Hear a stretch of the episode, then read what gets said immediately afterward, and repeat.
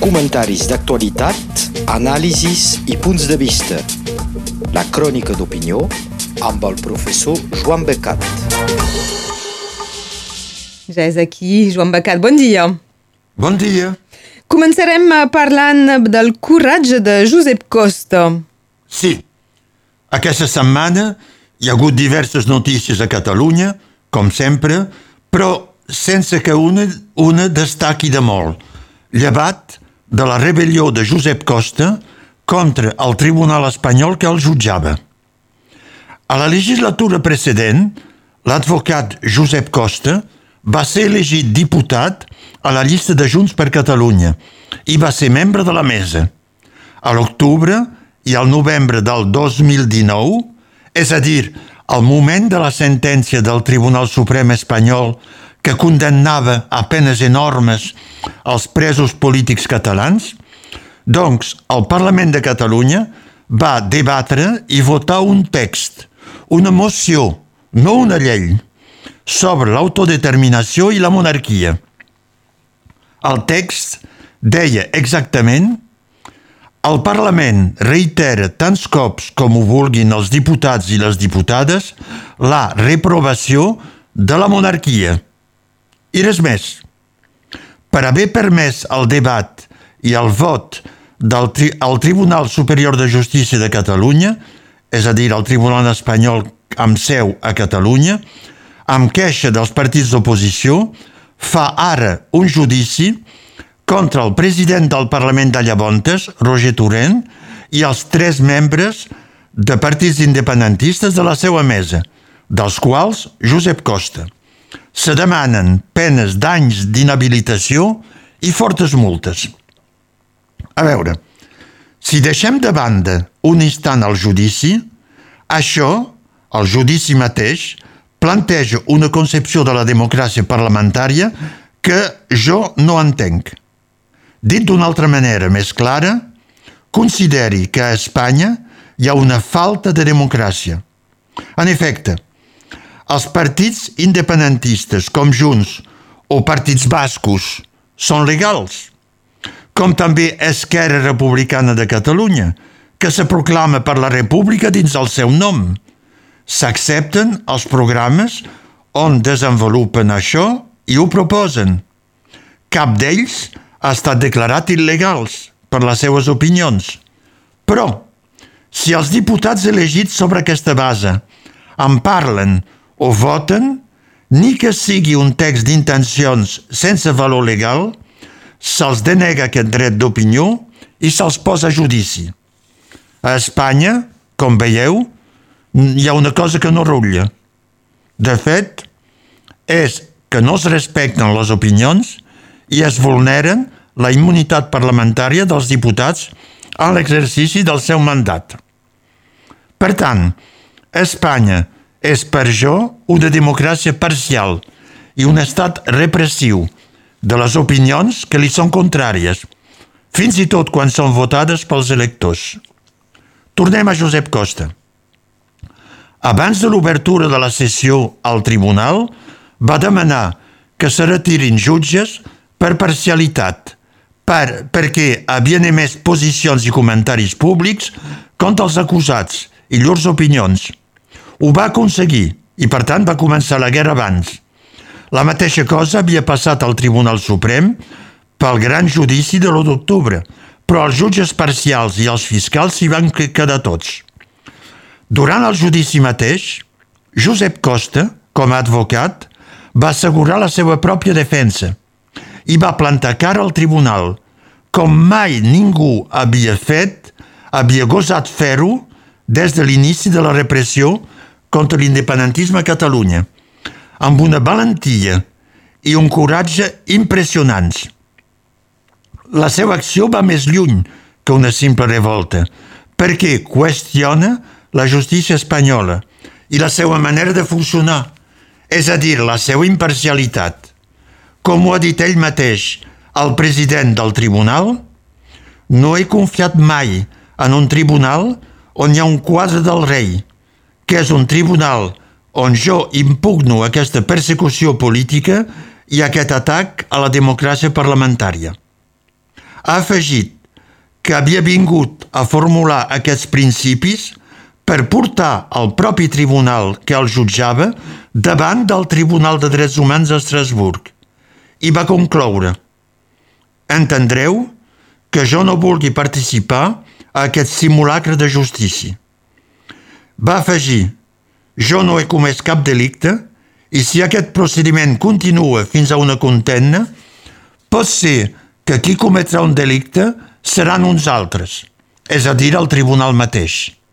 I va marxar i deixar els jutges tots sols amb un pam de nas. D'aquesta situació, quin comentari se'n pot treure?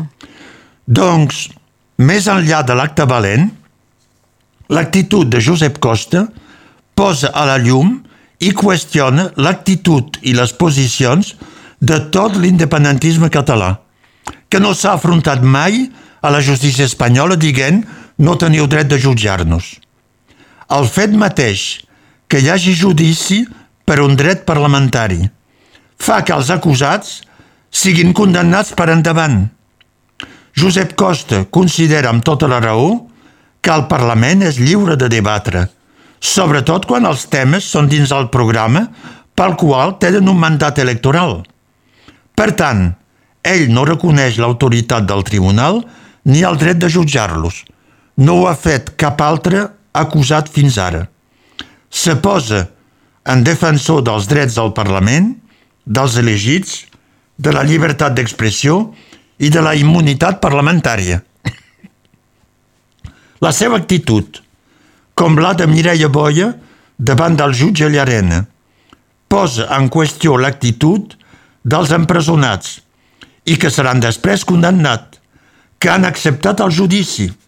Doncs han acceptat, de fet, que la justícia espanyola els pugui jutjar i la superioritat d'aquesta justícia de l'estat espanyol, com també la sentència. Els indults també s'han acceptat. És a dir, el reconeixement explícit o de fet d'una falta. Han acceptat, doncs, al mateix temps el paper superior de la justícia i del govern que els atorga i que ells pretenen combatre. És el dilema que tots els acusats i els seus partits polítics no han acabat d'aclarir fins ara, sinó amb una absència de reflexió que és, de fet, una acceptació.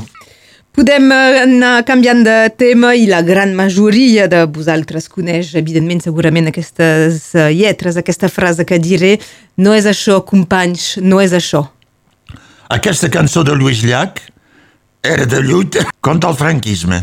I he pensat diumenge amb l'acampada que l'ANC ha organitzat a la plaça de Catalunya, un campament, al vell mig de Barcelona, on Lluís Llach ha parlat.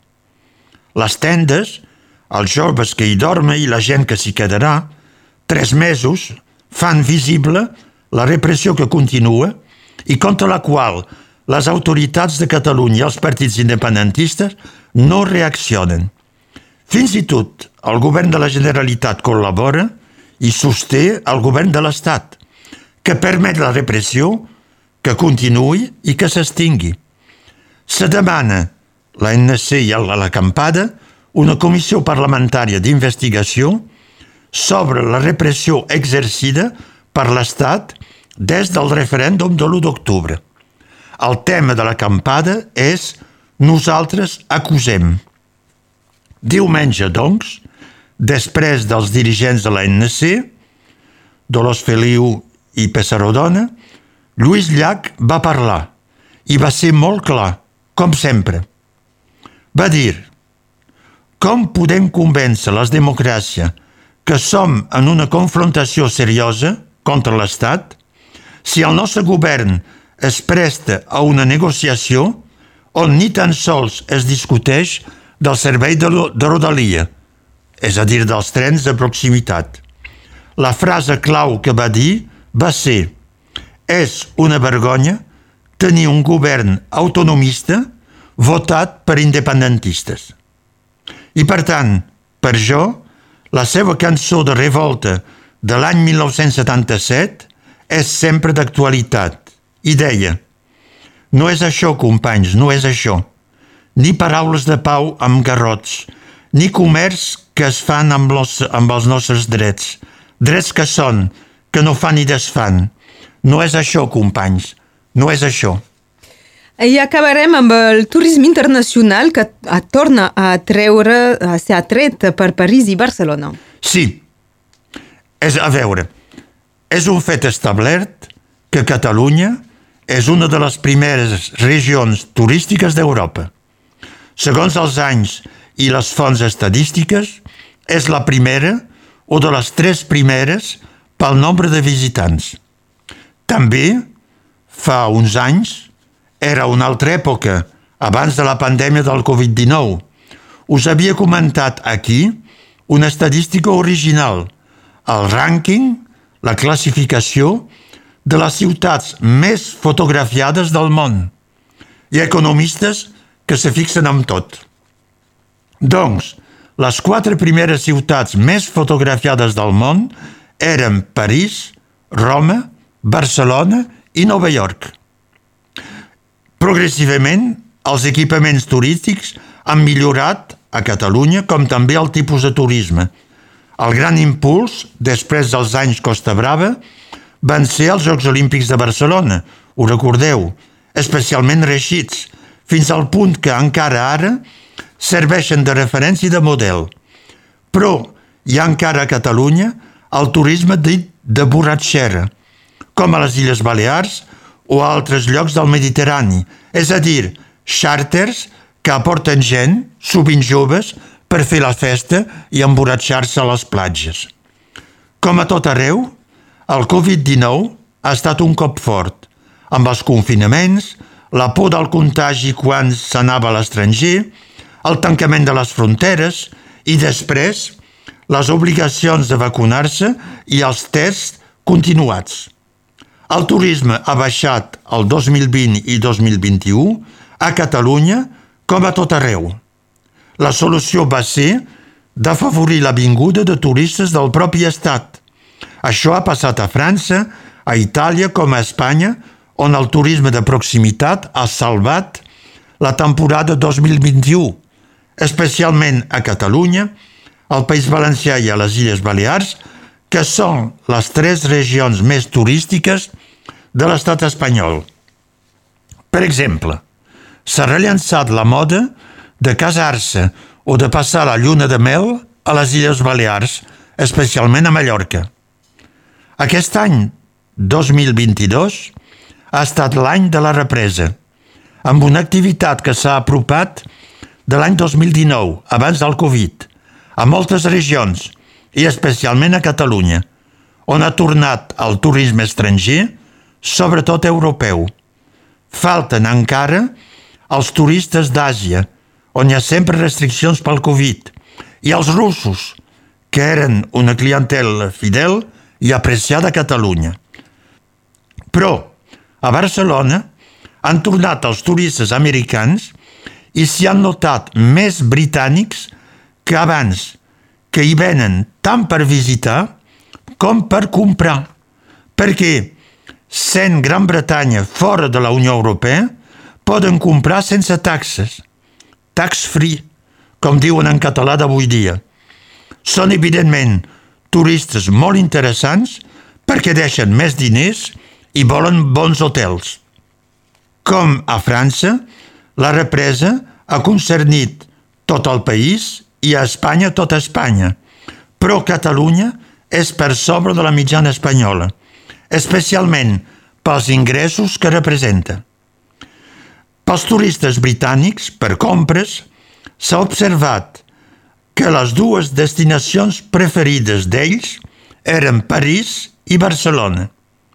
Quan tornaran a circular pel món com abans, a veure què faran els japonesos i els russos. Tornaran a Barcelona? Perdó, i els xinesos, perquè pels russos em sembla que caldrà esperar una miqueta més. Gràcies, Joan Becat. Adeu, bon dia. Comentaris d'actualitat, anàlisis i punts de vista. La crònica d'opinió amb el professor Joan Becat.